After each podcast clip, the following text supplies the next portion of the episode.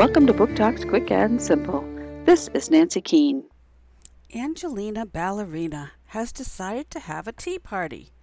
She gets everything ready the plates, the cups, the napkins. She and her friends get all dressed up and ready for their special guest. But not all will go as planned.